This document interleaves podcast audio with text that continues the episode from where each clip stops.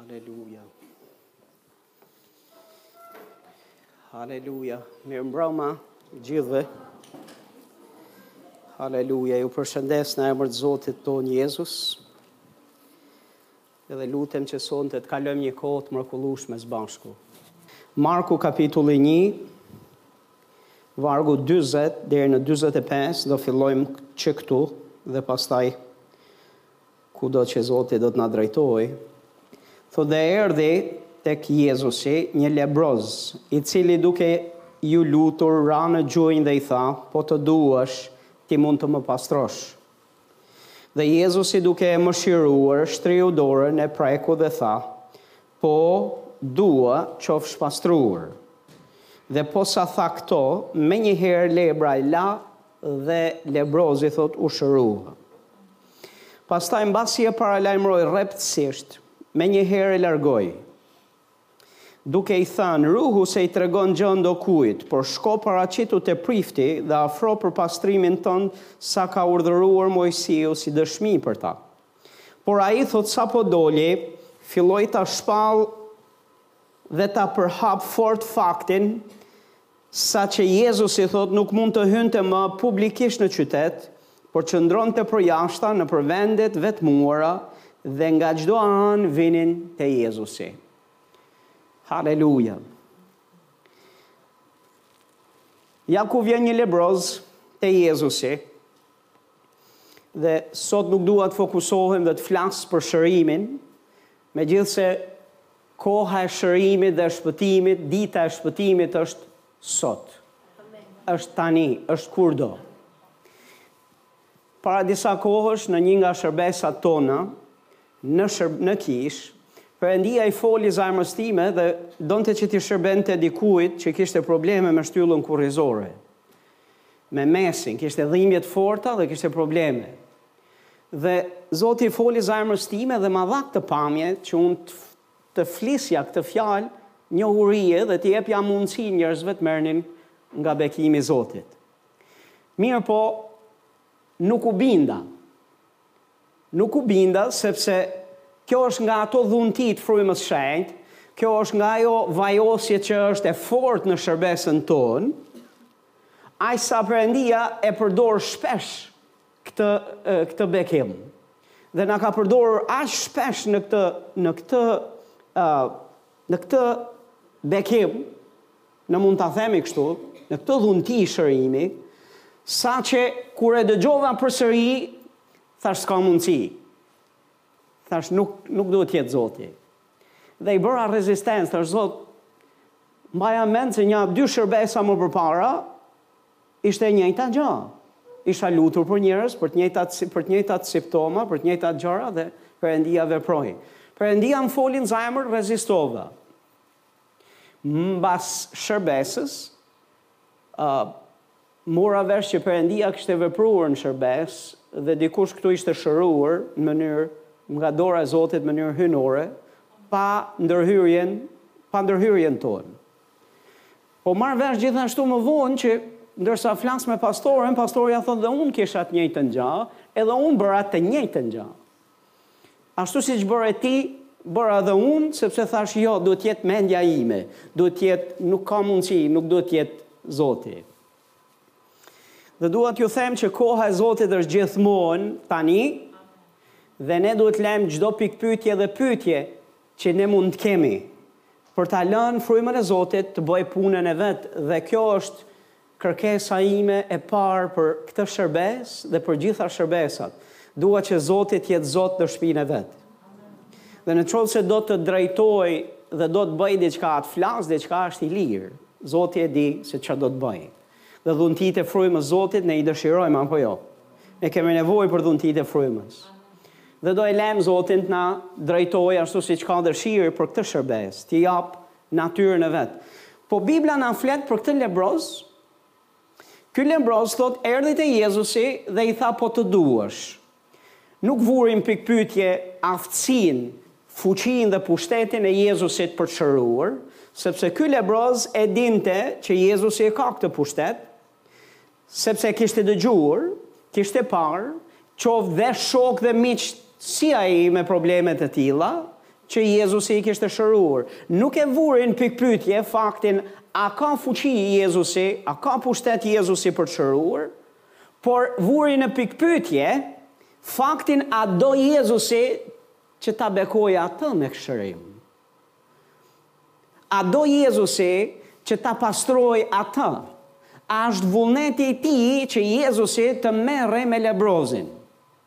Pastor, ke ngatërruar adresë, sepse në kishën tonë nuk kemi lebroz. Unë lavdroj Zotin Jezus njëherë që s'kemi lebroz as këtu dhe as nuk besoj se kemi përmes kamerës dikë që është me këtë lloj problemi e këtë sfidë. Por dua të them një gjë tjetër se ne kemi plot sfida të tjera të ngjashme apo fare të pangjashme me këtë që me këtë rast që jemi duke folë. Dhe shumë herë ne jemi mësuar të shohim Perëndinë, Jezusin, të prekë jetët e të tjerëve, t'i bekojë të tjerët, t'ju japë të tjerëve, por ne nuk e dimë në Jezusi do të merret me ne. Nuk jemi të sigurt, nuk kemi besim se Jezusi do të merret me ne personalisht. Po unë dua të them ty sot se për Jezusin Për Jezusin, ti je bebja e syrit të tij. Për Jezusin, ti nuk je turmë. Për Jezusin, ti nuk je numër. Për Jezusin, ti je, indiv, je, je person, je, je i afërti i tij, je bebja e syrit të tij. Aftësia dhe ajo që e bën atë Perëndi dhe Zot, është fakti që ai mund të merret me gjithë botën në të njëjtën kohë dhe të merret me ty në mënyrë personale, duke të kushtuar ty vëmendje absolute në të njëjtën kohë. Kjo e bën atë Perëndi dhe Zot. Dhe nëse ke pyetjen a është vëmendja e Zotit sot mbas teje, a është shikimi i Jezusit mbas teje, unë dua të them që po. Unë dua të them që po. Dora e tij është e shtrirë drejt teje, bekimi i tij është i drejtuar drejt teje, vëmendja e tij është e drejtuar drejt teje. Ai e di se çfarë ti po kalon, ai e di se çfarë ti ke nevojë, ai e di Dhe ndërsa ti i afrohesh Atij për mëshirë, Ai nuk ta refuzon atë mëshirë. Sot është dita e shërimit tënd, sot është dita e çlirimit, sot është dita e bekimit, sot është dita e faljes, sot është dita e hirit, sot është dita e mëshirës së Zotit, sot është dita e shpëtimit. Haleluja, tani është koha. Dhe ndërsa ti ke ardhur në këtë shërbesë, jam i sigurt që gjatë kohës që unë do jem duke folur, po edhe gjatë kësaj pranie të mrekullueshme të Zotit që ne kemi këtu, me dijen time apo pa dijen time, Perëndia do të jetë duke shërbyer dhe duke prekur jetët tona. Amen. Haleluja. Çfarë shoh në fund të këtij Të këtij të kësaj ngjarje më bën shumë përshtypje kjo gjëja që do të ndaj me ju tani.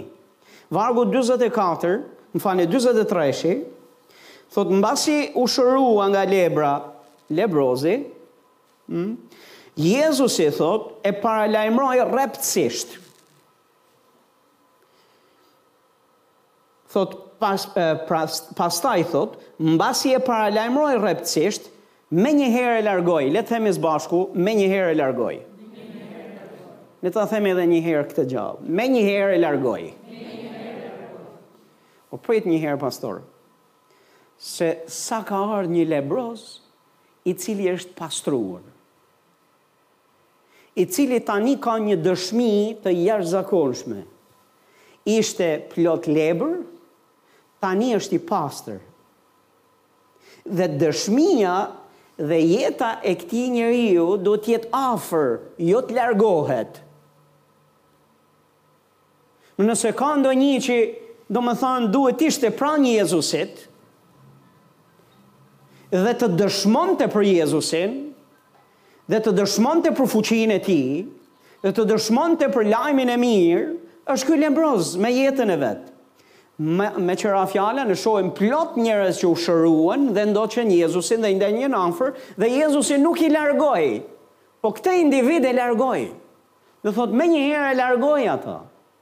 E shëroi, i dha mëshirë, i dha çfarë kishte nevojë dhe thotë menjëherë e largoi. Mbasi e paralajmëroi rreptësisht.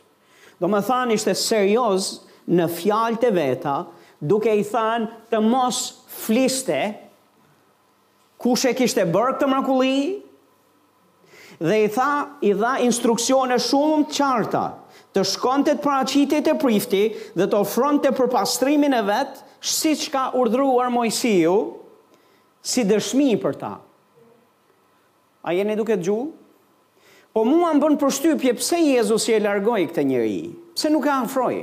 Pse nuk e mbajti afër? Pse nuk i tha hajde edhe ti Të jesh pranë meje, sepse ti ke parë lavdinë e Zotit. Ti je prekur nga bekimi i Zotit. Ti je shëruar, tashmë e ke parë lavdinë e Perëndisë. Ka plot të tjerë që s'e kanë parë. Ti e ke parë. Ti e meriton dhe duhet të rrish pranë meje. Në fakt, Jezusi bëri krejt të kundërtën. Thotë, E largoi menjëherë.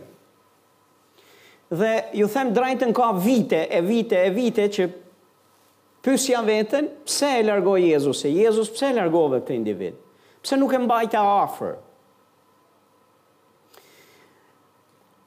Tani, dikush mund thotë, po pastor, ai nuk ishte thirrur, Jezusi nuk ishte thirrur që të kishte më shumë sesa 12 dishepuj. Mirëpo ne do shohim në Bibël që Jezusi nuk thirri vetëm 12 dishepujt. Jezusi thirri edhe të tjerë, përveç dymbëdhjetë dishepujve, thirri edhe të tjerë të cilët nuk, nuk erdhën ose gjetën motive komplet tjera, kishin motive jo të drejta në zemrën e tyre, që e bënë Jezusin të mos i merrte me vete. Megjithëse i, i deshi, megjithëse i thirri t'i kishte pranë vetes, nuk kualifikoheshin. Në këtë rast, arsyeja, unë besoj, pse Jezusi e largoi këtë njeri nga, nga, nga vetja e vet, e largoi nga vetja e vet, është për faktin se ky ishte i pabindur. Kishte ca probleme të theksuara me gojën. Don, nëse do e ndiqte Jezusin, do ta ndiqte në termat e veta. Nëse do e ndiqte Jezusin, Do e ndiqte për të bërë vullnetin e vet, për të bërë atë që i dukej e drejtë në sytë e tij. Pastor, po nga e dimë, nga e, nga e dimë ne këtë gjë?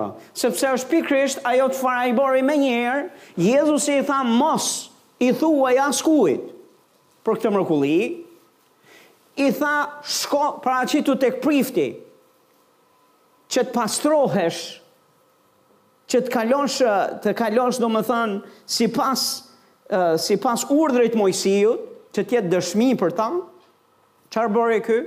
Thotë ky filloi të shpallë dhe të përhapë fort faktin, saqë Jezusi thotë nuk mund hynte më publikisht në qytet.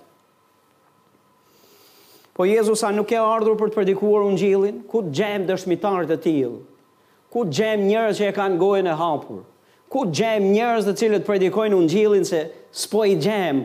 Jemi duke vujt më shumë për këta sesa për këtë lloj. Shiko, Jezusi nuk është kundër predikimit të Ungjillit, Jezusi nuk është kundër të bërit vullnetit Tij dhe të bërit gjërave që Ai, Ai kërkon, por Ai është kundër të bërit gjërave në termat tonë dhe në mënyrën tonë. A jeni duke gju? Ky individ, ky lebroz, Thotë doli, filloi të shpallë dhe ta përhapë fort faktin. Çfarë fakti?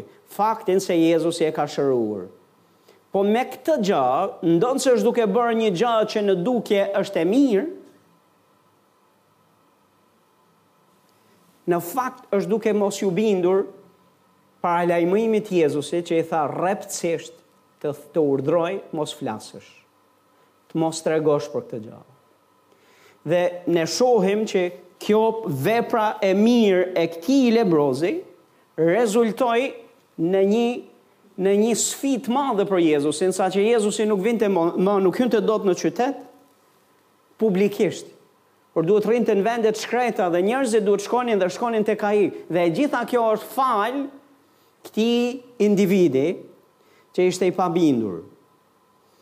Ai në duket gju? Pastor, të ndenjurit pranë Jezusit ka një çmim.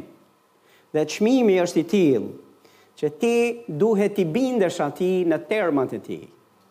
Duhet të kemi vesh për të dëgjuar dhe të dëgjojmë me kujdes instruksionet e tij. ë drejtimin e tij dhe të bëjmë ekzaktësisht atë që ai kërkon në mënyrën e tij, në kohën e tij, sepse ai e di më mirë. Dhe ka shumë rëndësi njerëz Zotit që të jemi të mprehur në veshët tanë të dëgjojmë Zotin. Dhe ka plot raste kur Jezusi do të thotë hesht. Ka plot raste që Jezusi do të thotë, Fol! Ka plot raste që Jezusi do të thotë, Thuaj një gjë! Dhe ajo gjëja që ai ti të thuash mund të mos ketë fare kuptim për mendjen tënde. E mund të jetë një gjë e, e, e, e as mos i shto, as mos i hiq, thuaj ekzaktësisht ça të tha. E di vite më përpara mbaj mend në një shërbesë, kishte ardhur një shërbyes i Zotit dhe ishte duke shërbyer kishës. Dhe në atë, në atë ditë isha ulur në, në si ju, edhe po i kërkoja Zotit që ai të flasë, të veprojë dhe të bëjë veprën e vet që kishte ndër mend me mua. Dhe në atë periudhë kohe më kërkoi që të dal shërbyesi, më kërkoi që të lutet për mua. Dhe dola përpara, vuri duart me mua dhe po lutej, dhe çuditërisht tha një gjë që për mendjen time ishte wow, ça është kjo? Sepse tha një gjë të kësaj natyre.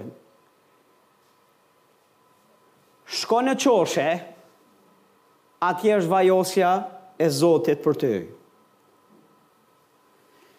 Edhe s'e kisha dëgju ndonjëherë një fjalë, një mesazh të kësaj natyre. Shko në qoshe,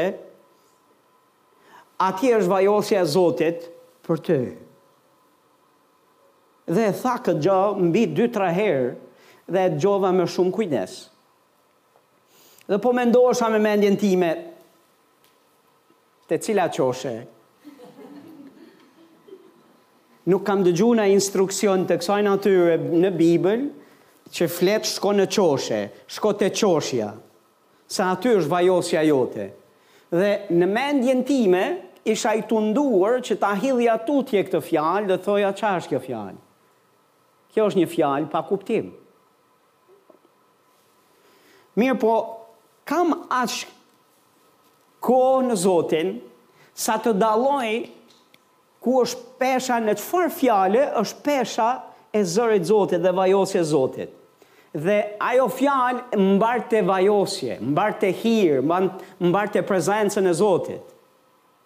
Tani unë mund të mendoj, mendoni pak sa e vështirë ka qenë për atë shërbyes që të thotë një gjë të kësaj natyre dhe të thotë shko te qoshja, thotë Zoti, atje është vajosja jote. Mirëpo unë kisha harruar që nja një javë më përpara më kishte folur Perëndia në një ëndër. Janë të rralla ëndra që kam parë në Zotin, por ka nga ato të cilat janë prej Tij. Dhe mbaj mend në atë periudhë kohe isha i trazuar, e ndjeja në zemrën time që po vjen koha që të shkoj t'i shërbej Perëndisë me kohë të plotë si pastor, dhe të kishim, të ishim, të isha pastor kishe. Ë, e ndjeja këtë gjë që kishte ardhur koha të lëvizja nga kisha ku isha, për të bërë këtë që bëj sot. Mirëpo nuk kisha një qartësi. Dhe ngaqë nuk kisha një fjalë të qartë, një mesazh të qartë se ku dhe çfarë do isha duke bërë, thjesht kisha ndjesitë e brendshme që po ka ardh koha dhe e ndjeja që ka ardh koha që të lëviz, fillova që të planifikoj me mendjen time dhe me mendjen time ishte kjo, Doja që të hapja një shërbes kishe, një kishë në Tiranë. Që në atë kohë.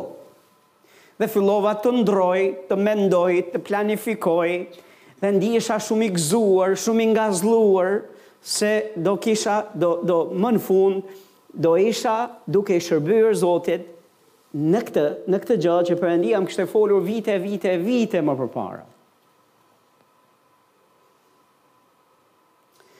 Dhe ndërkohë që isha duke menduar për këtë gjë, po kërkoja Zotin, Zot, me drejtimin tënd, Zot, drejtimin tënd, drejtimin tënd.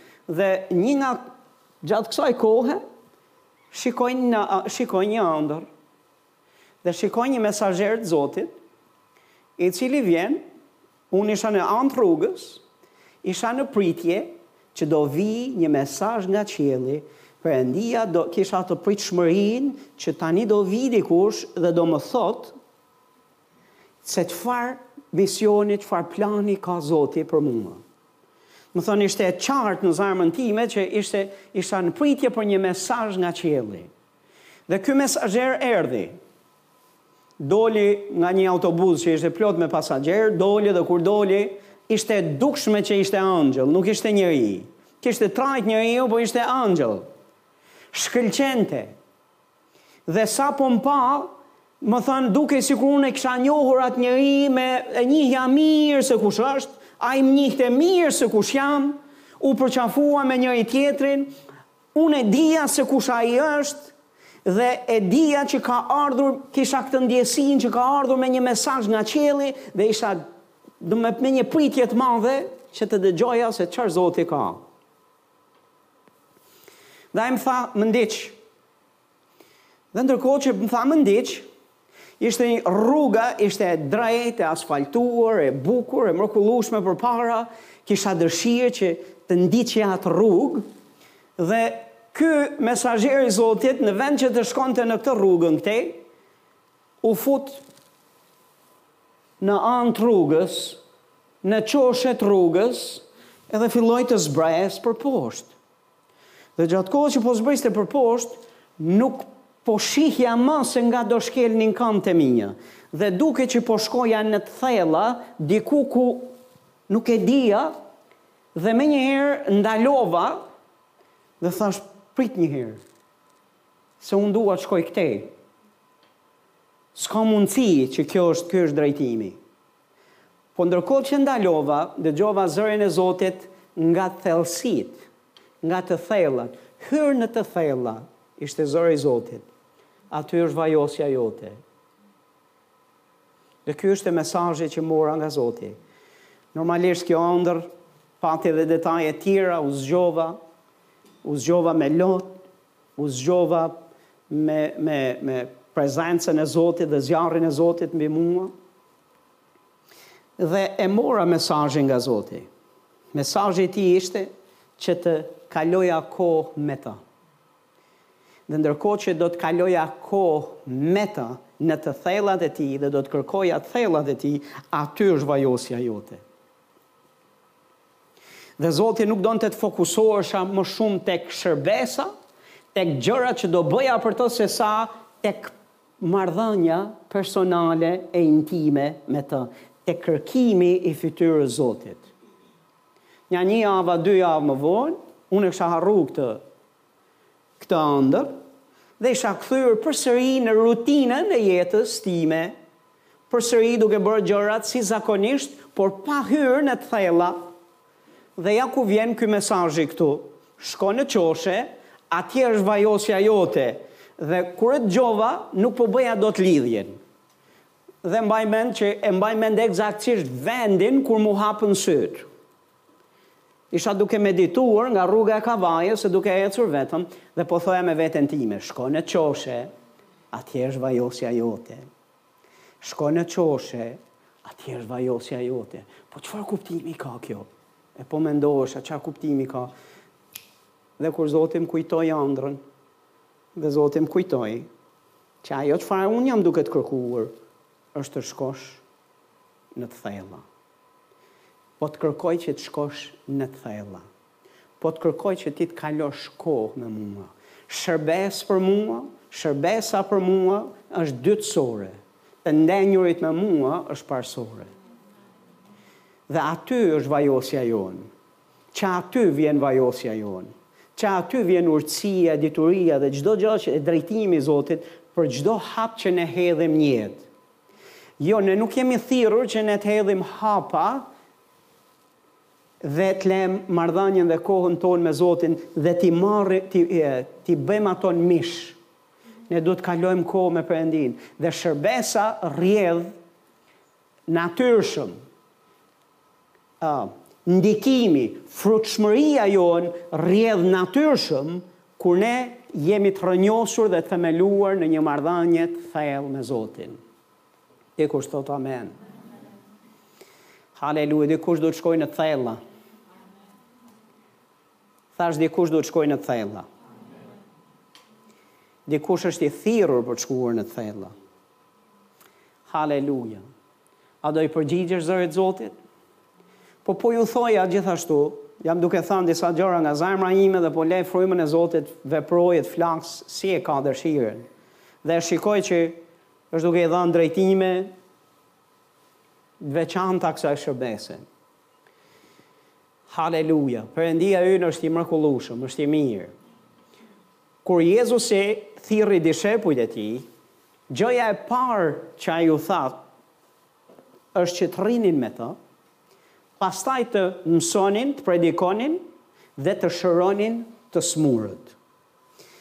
Të predikohet Ungjilli, të mësohet Fjala e Zotit, të të jemi në shërbimin e Perëndisë ndaj të tjerëve dhe të përçojmë fuqinë shëruese të Zotit tek të tjerët, është me shumë peshë dhe me shumë rëndësi për zemrën e Zotit Jezus.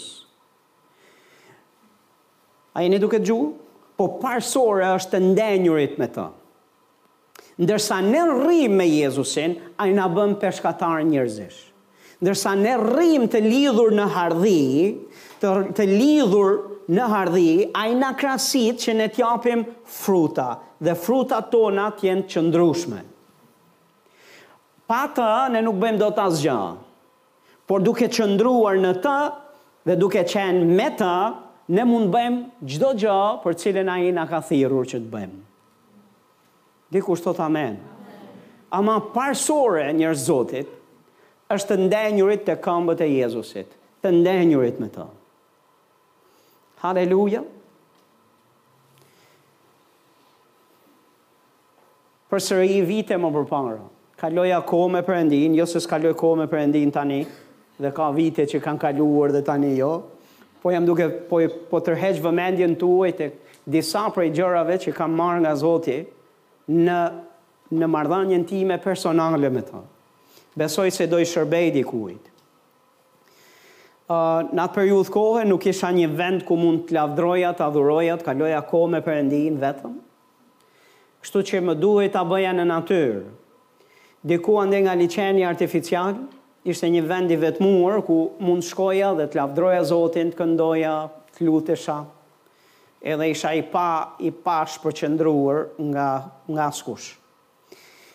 Dhe mbaj mend atë ditë që po lavdëroja Zotin, po i këndoja Perëndisë, Edhe që të mos dukesha çuditshëm në sytë e ndonjërit që e shifte andej vërdallë, lëvizja, ecja, ecja rrugës, në mënyrë që mos të bija në sy për keq. Dhe gjatë kohës që isha duke ecur, mbaj mend që më shkuan sytë në tokë.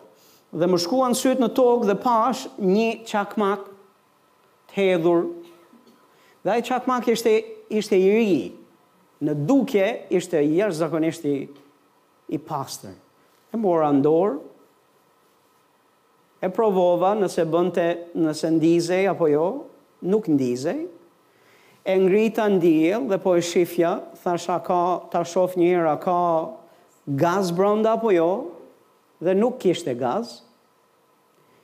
Dhe për shkak se nuk kishte gaz, edhe pse dukej i bukur, Edhe pse ishte i ri, edhe pse ishte, domethënë, diçka që ndoshta dikush do e kishte marrë të merrej me të, unë s'kisha kohë në atë moment dhe çfarë bëra e hodha. Dhe kur e hodha, e hodha në baltë. Rastisi që kishte baltë aty afër. Dhe mbaj mend zërin e Zotit që më tha kur ti të kesh mbaruar së adhuruari, unë do të të flas për këtë çakmakun që hodhe në baltë. Dhe fillova të lavdëroj Zotin, të adhuroj Zotin gjatë rrugës. Po mendjen dhe zemrën e kisha tek çfarë do të thotë Zoti tani me këtë gjë. Dhe mbasi mbarova së adhuruari, Perëndia më foli. Dhe më kujtoi që në lëndën e gjermanishtes, ku unë isha student Për gjuhën gjermane, një nga fjalët që më ishte fiksuar, më një nga fjalët që më ishte fiksuar jashtëzakonisht shumë ishte çfarë do të thotë çakmak. Sepse na bëri mësuesja në atë kohë, bëri një shpjegim në dërrasë, aq të detajuar sa më ngeli, më kishte ngel. Dhe zoti më kujtoi se ça do të thotë në gjermanisht Në gjermanisht çakmakut i thuhet Feuerzeug, që do të thotë manifestues zjarri, ose tregues, shfaqës zjarri. Dhe Zoti tha, kështu kam thirrur kishën time, kështu të kam thirrur ty, kështu i kam thirrur fëmijët e mi, që të jenë demonstrues të zjarrit, demonstrues të lavdisë dhe të pranisë time. Por Zoti më kujtoi gjithashtu dhe tha, Ti e more në dorë, dhe ndonëse ai ishte i caktuar dhe i thirrur që të ishte demonstrues zjarri, tregues i lavdisë, ti e hodhe në baltë, sepse nuk kryente funksionin për të cilin ekzistonte, sepse i mungonte gazi, i mungonte lënda e parë. Dhe Zoti më tha këtë gjë, Kur njerëzit e mi rrinë në praninë time, luten, më kërkojnë, rrinë te këmbët e mia dhe dëgjojnë fjalën time, unë do t'i mbush. Unë do t'i mbush me prezencën time, do t'i mbush me vajin tim, do t'i mbush dhe do të jenë kështu demonstrues të zjarrit, do të jenë demonstrues të pranisë time. Po kur njerëzit e mi e humbasin dhe shkëputen nga kjo marrëdhënie me mua, e hum, do, do jenë zbrazët dhe do jenë bosh. Dhe do jenë si ajo kripa e amësht që ka humbur shijen dhe që njerëzit e shkelin me kambë. E di ça do të thotë të shkelin njerëzit me kambë? Kripën e amësht? Do të thotë që kripa ka humbur efektin e saj, ka humbur rolin e saj, arsyen pse është kripë. Dhe për shkak se e ka humbur, njerëzit, për njerëzit nuk ka më vlerë, veçse të shkelet me kambë. Njerëz Zotit, momentin që ne na mungon vaji i Zotit, na mungon prania e Tij, na mungon uh, fjala e Tij, nuk jemi të mbushur me ta, Atëherë bota ka për të na shkelë me kambë, do të na ndikojë. Do të ndikohemi nga bota. Do të tërhiqemi dhe do të lemë botën të ketë influencën e vet në jetën tonë. Fjala e Zotit na thotë qartë, Tek efesianët, mbushuni me frymën e shenjtë, jo me pije dehëse, thotë mos u dehni me pije dehëse, por mbushuni me frymën e shenjtë. Dhe është shumë e rëndësishme, është plani i Zotit që njerëzit e tij të jenë gjatë gjithë kohës të mbushur me frymën e shenjtë, të mbushur me vajin e tij. Ama ky vaj nuk gjendet larg prezencës tij, nuk gjendet jashtë dhe larg kohës personale me Zotin. Ne duhet të mësojmë njerëz Zotit të disiplinojmë veten tonë çdo ditë të shkojmë te kambët e Zotit, sepse Ai thotë ka një bukë të përditshme. Jezusi tha lutuni kështu, dhe në lutjen që Ai tha, O Atë, bukën tonë të përditshme na e jep Nesër? Dje? Jo thot sot. Që do të thot për ne lutja duhet të jetë e përditshme. Dhe ne për ditë duhet të shkojmë në prezencën e Zotit dhe t'i themi Zot, ja ku jam, kam nevojë për bukën e përditshme dhe Jezusi tha njeriu nuk rron vetëm me bukë, Por me çdo fjalë që del nga goja e Zotit. Tani ka plot besimtarë të krishterë që që janë familiarizuar së tepërmi me fjalën e Zotit dhe kanë fillu t'i marrin sugjerime ato gjana çfarë Jezusi është duke i thanë një dhe një bëjnë dy, nuk ka të mesme, nuk ka gri. Ka bardhë dhe zi. Njeriu nuk mund të rrojë veç me bukë, por me çdo fjalë që del nga goja e Zotit. Dhe ne njerëz të Zotit nuk mund të jetojmë pa fjalën e Zotit. Se kur ti rri pa fjalën e Zotit do dobësohesh. Kur ti do kur ti rri pa fjalën e Zotit do zbrazesh, do je do thahesh dhe do të jesh i pafrut. Nuk do mund të nuk do mund të përçosh dhe nuk do mund të demostrosh uh, lavdinë e Zotit. Shumë me rëndësi njerëz të Zotit që të mësojmë të rrimë te kambët e Zotit. Haleluja, mo, nuk jam duke folur për dënim, jam duke folur se zemra e Zotit është duke ftuar, është duke na thirrur, që ne të afrohemi drejt thellave të tij, sepse ne nuk, ai nuk dëshiron që ne të jemi të thatë, Ai nuk dëshiron që ne të jemi të zbrazët, ai nuk dëshiron që ne të jemi pa shije, ai nuk dëshiron që bota të na ndikojë, ai nuk dëshiron që uh, shenjat e besimtarit ose simptomat dhe, dhe, dhe veprat e besimtarit, ajo çfarë i duket besimtarit, është stresi, është mërzia, janë ndjesitë negative, Dhe ka mungesë prehje, ka mungesë gëzimi, Perëndia nuk e do këtë gjë për asnjërin prej nesh. Ai na do të jemi të përmbushur, të jemi plot dhe mund të kështu të mund të reflektojmë dhe të demonstrojmë lavdinë e Zotit. Ai do të na e kthejë shijen. Ai do që ti të influencosh botën. Ai do që ti të influencosh njerëzit për lavdinë e Perëndisë. Ai do që ajo lavdi e Zotit që është në ty të shfaqet dhe të ndikojë tjerët. Ama nuk mundet nëse nuk je i lidhur ngushtë, nëse nuk je i disiplinuar që çdo ditë të marrësh kohë cilësore dhe të rrish me Jezusin. E di, Bibla flet për një, për një histori shumë të veçantë, tek ungjijtë, besoj nga kapitulli 20 a 22 i Mateut, Bibla flet që Jozefi bashkë me uh, Marien dhe Jezusin shkuan në Jeruzalem dhe mbasi shkuan atje, bënë ato gjëra që duhet bënin dhe do ktheheshin. Dhe Bibla thotë ata hamendsuan se panë që Jezusi s'ishte me ta dhe menduan se duhet të jetë me shokë. Dhe vazhduan rrugën, një ditë rrugë. Dhe mbasi bënë një ditë rrugë, u kujtuan që Jezusi ej, Jezusi nuk është me ne.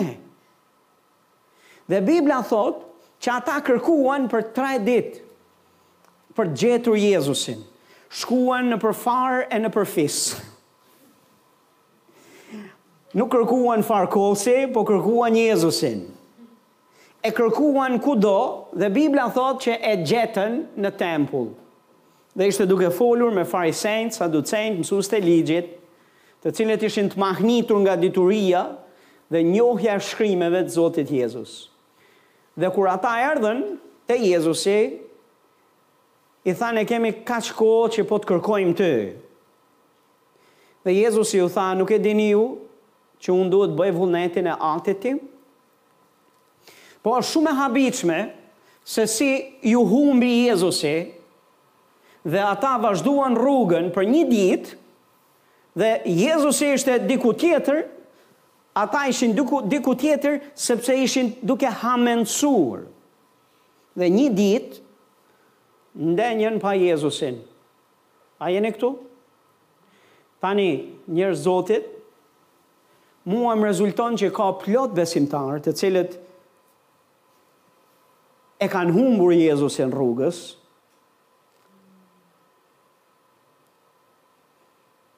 Dhe janë duke vazhdu akoma udhëtimin e tyre në jetë.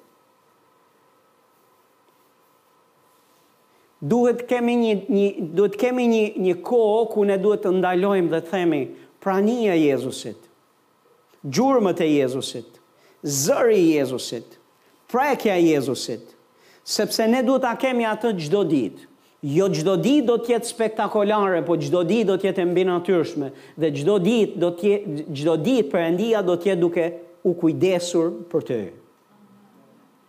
Dhe më dëgjoni t'ju, t'ju, t'ju mësojë pastori një lutje të cilën unë vetë e bëj çdo ditë. Është Zot dua të shoh gjurmët e tua. Dhe nuk ka rëndësi se në gjëra të mëdha spektakolare apo në gjëra të vogla, dua të sigurohem që ti je pranë meje. Dua të sigurohem që jam duke ecë me ty. Dua të sigurohem që e kam praninë tënde këtu. Dhe jo domosdoshmërisht jam duke thënë dua të ndjej. Dhe të ec, nuk jam duke thënë të ec me ndjenja, sepse e di që të ecësh me Zotin, ti duhet të ecësh me besim, jo me ndjenja. Po a e dini që fjala e Zotit thotë beso dhe do të shikosh lavdinë e Perëndisë? A e di që thotë thashë beso dhe do të shikosh lavdinë e Perëndisë? Nuk ekziston një gjë e tillë që unë besoj po nuk shoh lavdinë e Perëndisë. Nuk ka asnjë varg biblik për këtë pjesë.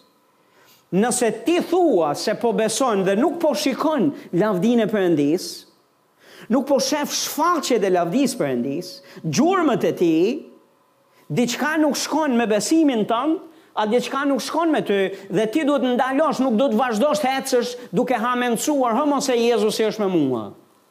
Hë mo se çdo gjë është në rregull. Jo, njeri i Zotit duhet të ndalosh. Dhe është ok që herë mbas here të ndalosh dhe t'i bësh pyetjen vetes, ku jam unë me Zotin? Ku jam unë në ecjen time me Zotin? A jam atje ku kam qenë? A jam më mirë? Jam më keq? Si është jeta ime përpara Perëndisë? Haleluja! Disa prej nesh kemi ngel në të kaluarën, në zjarret e të kaluarës, në mrekullitë e të kaluarës, në zërin që Zoti ka folur në të kaluarën, po Zoti nuk është veç atëherë, Zoti vazhdon të jetë sot. Dhe do të jetë dhe nesër. Dhe ecja jonë me Perëndinë duhet të jetë e përditshme dhe për çdo ditë. Ne duhet të shohim lavdinë e Zotit në një mënyrë në një tjetër, gjurmët e tij. Dhe Perëndia do të sigurohet që të të tregojë se është pranë teje dhe dhe është me ty. Nëse ti ke këtë pritshmëri, nëse ti ke këtë zemër, nëse ty të mungon prania e Zotit. Amen. Tani ka besimtarë të cilët kanë më shumë se sa një ditë pa Jezusin. Ka ca besimtarë që nuk u bën përshtypje. Vazhdojnë rrugën edhe pa Jezusin, duke menduar se unë shkoj në kishë, duke menduar se unë kam besuar këtu e ca vite, po a e dini se ecja me Jezusin është një ecje e gjallë, e vërtetë, reale, sepse ai është person. Është si martesa mes një burri dhe një gruaje. Gruaja ime nuk ka nevojë që unë t'i them ë ne jemi duke ecur së bashku. Jo se dallohet, nëse nuk shkoj sonte në darkë në shpi, apo nëse nuk shkoj nesër mëngjes, a nuk jam gjatë kohës çdo ditë me të në shpi, Fjalët e mia vjen një ditë kur nuk shkojnë më. A është kështu? Janë veprat ato që flasin. Janë veprat ato që flasin, jo pretendimet. Jo fjalët, janë veprat. Dhe veprat flasin njerëz të Zotit. Në je duke hec me Jezusin apo jo? Pastor, sa kohë kalon me Perëndinë? A Shkon më tek ajo dhomza, të mbyllësh derën dhe t'i lutesh Atit në fshehtësi? A ulesh te këmbët e Jezusit, të dëgjosh edhe të ushqehesh me fjalën e Tij dhe t'i thuash, Zot, bukën tënde të përditshme e kam të nevojshme dhe e dua tani, jam i etur dhe i uritur për drejtësinë tënde, dua që ti të më flasësh. Haleluja. Ke një kohë personale me të? Apo ka gjëra të tjera që kanë hyrë dhe kanë marrë fokusin dhe vëmendjen tënde? Apo kanë marrë thash fokusin dhe vëmendjen tënde? E di njerëz të Zotit, mes nesh dhe Zotit nuk është e thënë që të na ndajë vetëm mëkati. Mëkatin ne gjithë e dimë që na ndan. Dhe me mëkatin nuk duhet luajtur. Dhe në qoftë se ka mëkat, Bibla thotë ne duhet ta rrëfejmë përpara Zotit, Ai është besnik dhe i drejtë, Ai na fal e na pastron nga çdo paudhësi. Dhe, dhe Shkrimi na thotë, në qoftë se ka mëkat, mos pretendo, thotë, se je në marrëdhënie të shëndoshë me Të. Jo, nëse pretendon, ke mëkat dhe pretendon këtë gjë, gënjen veten. Me thënë, askënd tjetër përveçse vetes. Jo, thotë, mos thuaj që s'ka mëkat, në qoftë se ka. A jeni këtu? Në qoftë se ka, mos pretendo, mos thuaj, mos u fshih mbas mëkatit, dhe të hiqesh sikur s'ka, asgja mes teje edhe Perëndisë. Madje më lini t'ju them një gja, ka besimtarë të rinj, me të cilët toleranca është më e madhe, po ka ca besimtarë që i kanë ca vite me Zotin, toleranca shkon drejt zeros. Kërkesa është më e, më e fortë dhe më e madhe. Në qoftë se një foshnje, apo një fmi, një, një besimtar i ri në këtë mes, në mesin tonë, ka mëkatur, uh, unë besoj me gjithë zemër që Perëndia është aty dhe prania e Tij akoma ndihet.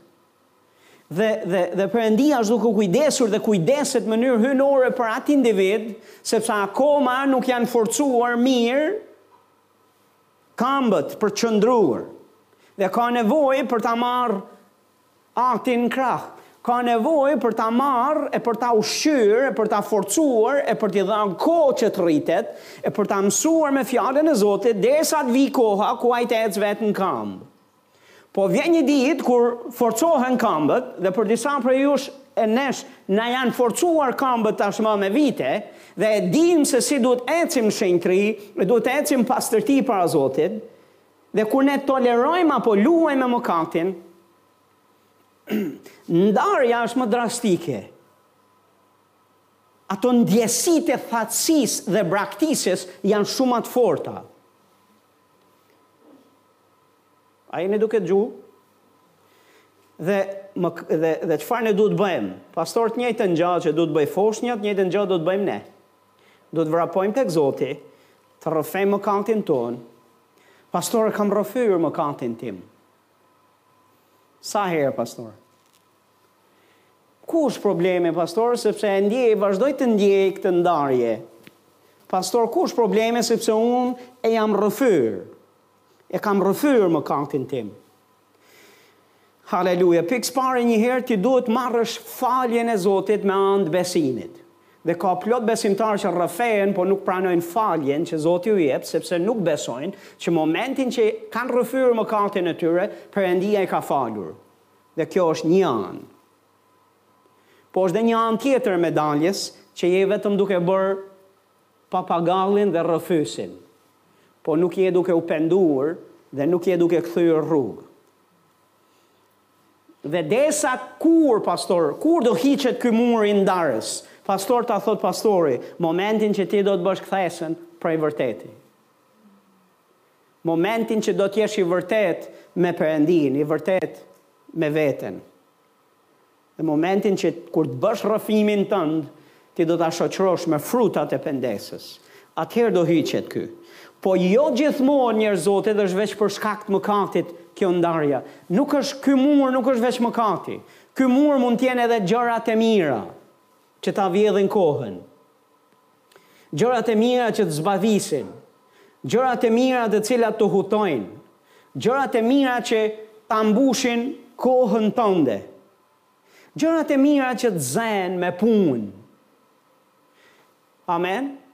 Çfarë janë gjërat e mira? Është gjë e mirë të kalosh kohë me bashkëshorten tënde, bashkëshortin tënd. Është gjë e mirë të kalosh kohë me fëmijët e tu. Është gjë e mirë të kalosh kohë me familjen tënde. Fjala e Zotit na mëson që ta bëjmë këtë gjë. Por nuk është gjë e mirë që të lëmë kohën tonë me Zotin. Amen. Është gjë e mirë që ti të shkosh në punë. Është gjë e mirë. Haleluja, që të shkosh në shërbesa, edhe në shërbesë, dhe duash t'i shërbesh Zotit dhe të bësh punë për të. Është gjë e mirë. Ai na ka thirrur që të shërbejmë, t'i shërbejmë atij. Po jo me kosto që ne të lëmë ato. Ne të lëmë kohën me të. Dikush thotë, Zoti ynë është i mirë. Haleluja. Ai na fton që të shkojmë në praninë e tij. Dhe jo njerëz Zotit asgjë, nëse ti zgjedh, asgjë s'të bëhet dot pengesë. Perëndia nuk të pengon që t'i afrohesh atij. Ai thotë në fjalë në fakt, "M'u afroni dhe unë do t'ju Dhe po të shohësh vargun m'u afroni dhe unë do t'ju afrohem ju, pak vargje më lart vijnë vijnë ca qortime të forta që i vijnë kishës dhe i flet për armiqësinë me Perëndinë, për shkak se janë bërë miqësorë e janë miqësi me botën.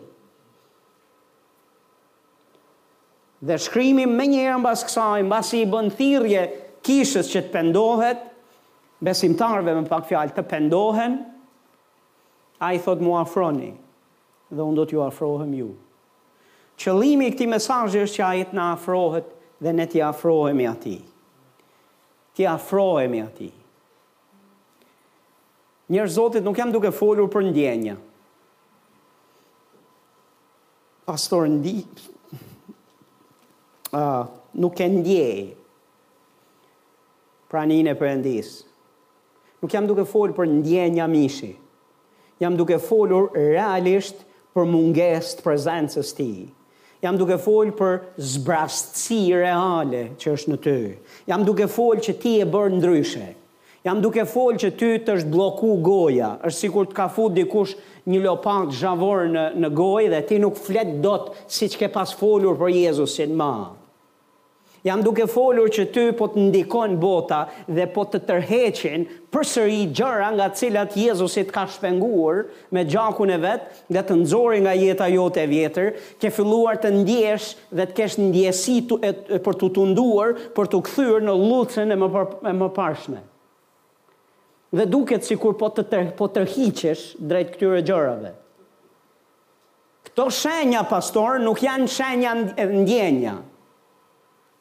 Nuk jam duke folë për ndjenja, këtu jam duke folë për shenja reale që ti je duke dhënë ca shenja, shenja zbrastie, thatësie dhe ndarje nga prezenca e Zotit. Dhe është koha të mos hamencosh më se Jezusi është me shokë. Jezusi është rreth rrotull teje. Jo, në qoftë se ti shef shenja të tilla, do të thotë pastor që diçka nuk shkon, dhe jo nuk shkon me Jezusin, nuk shkon me ne. Dhe është koha që ti të dëgjosh, ti t'i përgjigjesh thirrjes zemrës Zotit. Dhe të thuash Zot, jo më. Nuk rri dot më pa praninë tënde.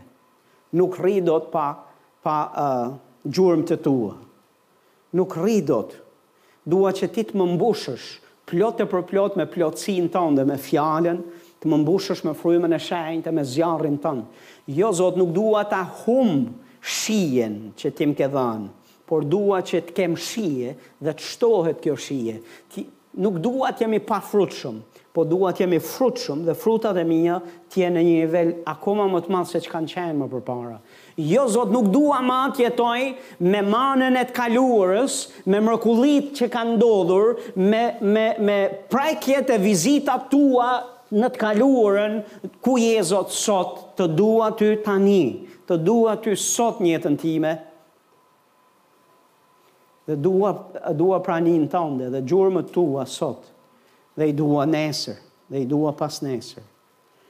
Dhe Perëndia njerëz Zotit, haleluja, përmes meje po përpichet që të mbjellë këtë kërkesë në zemrën tuaj, këtë lutje në zemrën tuaj.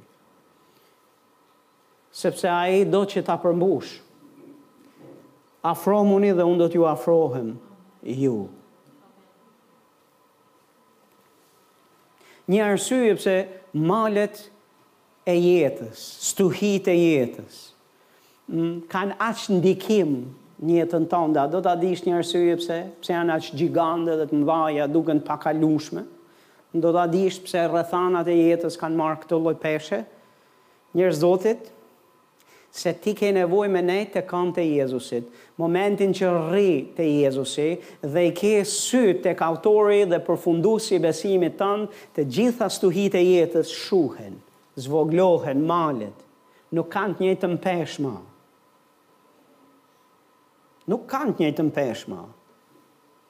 Pastor, lutu! Pastor, se jemi, jemi, Më ka rastisur të jem rreth rrotull pastorësh këto kohë në mënyrë të veçantë, dje e po flisja me ca. Dhe si je, a je mirë? Them të drejtën pastor, i sulmuar, s'jam mirë, gjërat nuk po shkojnë dhe aq mirë. Me pak fjalë gjatë gjithë kohës zymtësi, lodhje, mundim, gjërat nuk nuk është normale. Sepse Jezus, për Jezusin barra e tij është e lehtë, zgjedha e tij është e ëmbël. Pastor, në ka një vend ku pastori ndihet se merr frymë lirshëm dhe merr krahë është ky vendi që jam këtu kur jam duke ju shërbyer ju. Nuk është barrë, nuk është e lodhshme, e mundimshme që të shërbesh në thirrjen e Zot, planin e Zotit. Nëse bëhet barrë dhe është zgjedhë e rëndë, është për shkak se nuk jemi afër Jezusit, sepse Jezusi tha ejani tek unë, o ju të lodhur dhe të munduar, që do të thotë, nëse je i lodhur dhe i munduar, je larg tij dhe ke nevojë të vish te ai. Po s'ke pse të jesh shërbyes, që të jesh i lodhur dhe i munduar. Ti mund të jesh besimtar dhe të jesh i lodhur e i munduar. e thjesht nën trysninë e jetës, nën trysninë e errësirës e mundimet e jetës janë në shpinë kurrizin tënd dhe ti po vuan. Besimtarët, jam i stresuar, pastor, jam në depresion, pastor. Nga e diel, nga e shtuna në të shtunë, jemi nga një hall i madh në një hall akoma më të madh. Lutu që të dalim që këtu, lutu që të dalim që këtu. Më lini t'ju mësoj pastorë një gjë, Haleluja që të mos keni nevojë me hy më. Që të keni nevojë të dilni pastaj. Nëse shkoni dhe hyni në prezencën e Zotit çdo ditë dhe kaloni kohë me të, do t'ju forcohen këmbët tuaja në ecjen me Zotin. Do të forcoheni në njeriun e brendshëm, do jeni plot me Perëndinë. Dhe nuk do rrëzoheni më, nuk do bini më, nuk do keni më nevojë që të kapeni përsëri për t'u ngritur në këmbë, përsëri për t'u ngritur në këmbë, se do vijë një ditë ku do ecni vetë. Dhe do thoni, hej, qenka më mirë mos të rëzohem hiç.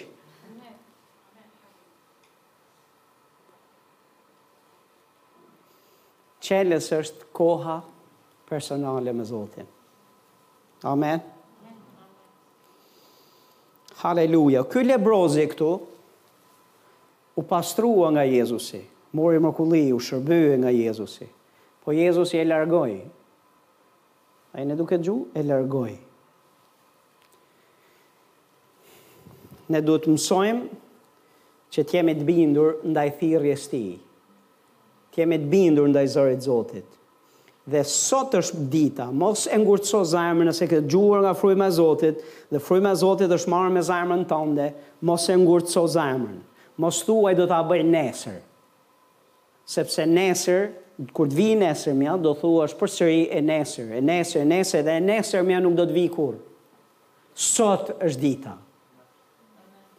Dhe nëse ti pretendon që të jetë sot dita ku Ai të bekon ty, ku Ai të mbush ty, ku Ai të prek ty, ku Ai të shëron e të çliron ty, nëse sot ti beson dhe dhe do që të jetë sot dita e mrekullisë tënde, atëherë sot duhet të jetë dhe dita e ndryshimit tënd. E përkushtimit tënd. Dita ku ti do të thuash Zot, Do t'i lë të gjitha. Do e kthej vëmendjen tek ti. Do kthehem tek dashuria e parë. Amen. Do kthehem tek dashuria e parë. Ti je dashuria ime e parë, Zot.